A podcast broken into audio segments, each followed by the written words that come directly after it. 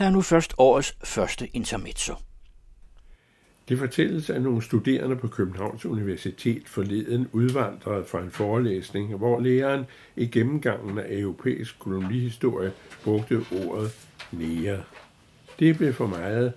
Reaktionen var afstandtagen ved protester og flugt fra timen. Episoden er nu historie. Falder det i de udvandrende studerendes lod en dag at skulle skrive forsvarlige om begivenheden, kommer de pågældende i konflikt med den historiske virkelighed. Historikere er henvist til at bruge det samme ord som læreren og citere ordret årsagen til protesten, hvis episoden skal være begribelig, hvad den i forvejen ikke er. Som bekendt er der skrevet reoler fulde af overvejelser over historiens væsen som intellektuel disciplin.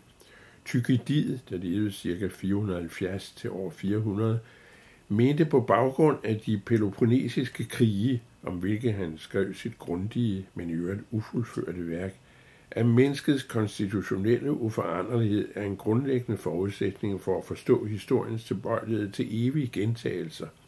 En opfattelse senere historikere har disputeret, og de fleste utvivlsomt afviser som en lovmæssighed.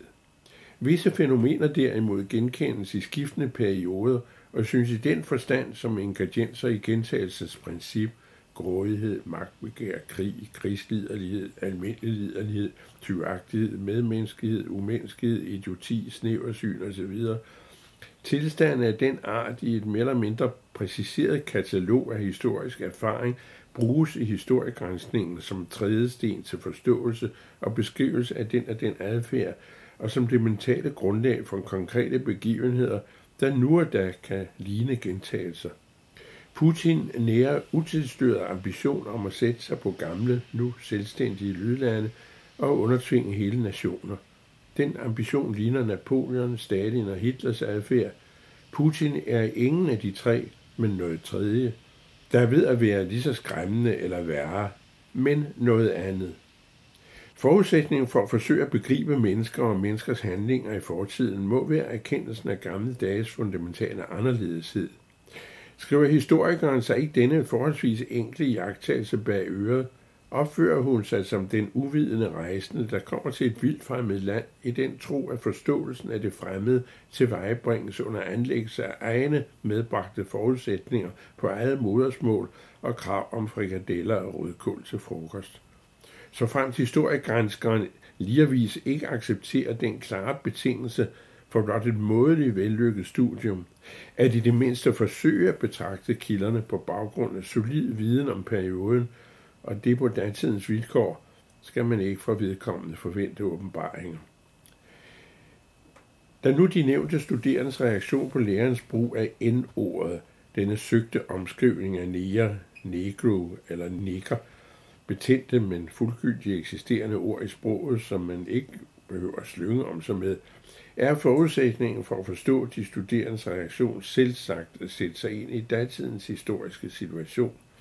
I det store hele kan man tillade sig den mening, at Danmark anno 2023 for få dage siden ikke adskiller sig fra Danmark få timer før Danmark 2024. At give et rimeligt signalement af de studerendes udvandring – må medtage overvejelser om lærerens beskaffenhed. Var han fuld, lugtede han, spiste han ikke mad under forelæsninger, eller lagde han upassende an på en uvillig studien. Der foreligger kun oplysning om udvandringen efter ordet nære, formidlet fra en kilde til kolonitidshistorien. Ingen dansker med selv ringe kendskab til fortiden burde lade sig krænke. Danske digter brugte ordet H.C. Andersen taler om sydens folk, at solen brændt til nære. Paul Martin Møller om den sorte halvmand, hvis det skulle være bedre. Ordet findes i regnskaber og fragtbreve om slaveskibene og på Vesterbro en nære gik. Krænkelsen over læreren, eller hvad det nu er, og afvisningen af et beskrivende ord i datid til brug for nutidens omgang med historien, afviser på samme tid muligheden af forsvarlig dækkende historiefortælling – det kan være motivet, at udvandrerne ikke ønsker kildernes udsagn frem. Det hører man om. Tidligere statsminister Fogh Rasmussen udtalte sig kreativt om besættelsen, som man ønskede, den skulle se ud, men som i betydelig uvidenhed ignorerede faglige fremstillinger og afgørende kilder til perioden. I historien findes som ansydet få om overhovedet egentlige lovmæssigheder. Dog på én ting kan man være sikker. Ingen kan efter for godt befindende ændre historien eller rettere tolkningen af den, ikke på anden måde end den for Rasmussen præsterede ved at servere en røverhistorie i egen marinade, eller som forfalskeren, der som en Trump lyver om alt, bogstaveligt talt alt, eller ved at udvandre i møde med ord og begreber på tværs. Hvad der er værst, er svært at afgøre. Måske de udvandrende, der i øjeblikket naturligvis kun censurerer ordet på bordet, men en skøn dag kan hende udbreder deres egen bornerthed til skade for andre og for historien. I hørte Georg Metz med sit intermezzo, som også kan læses i fredagens udgave af Information.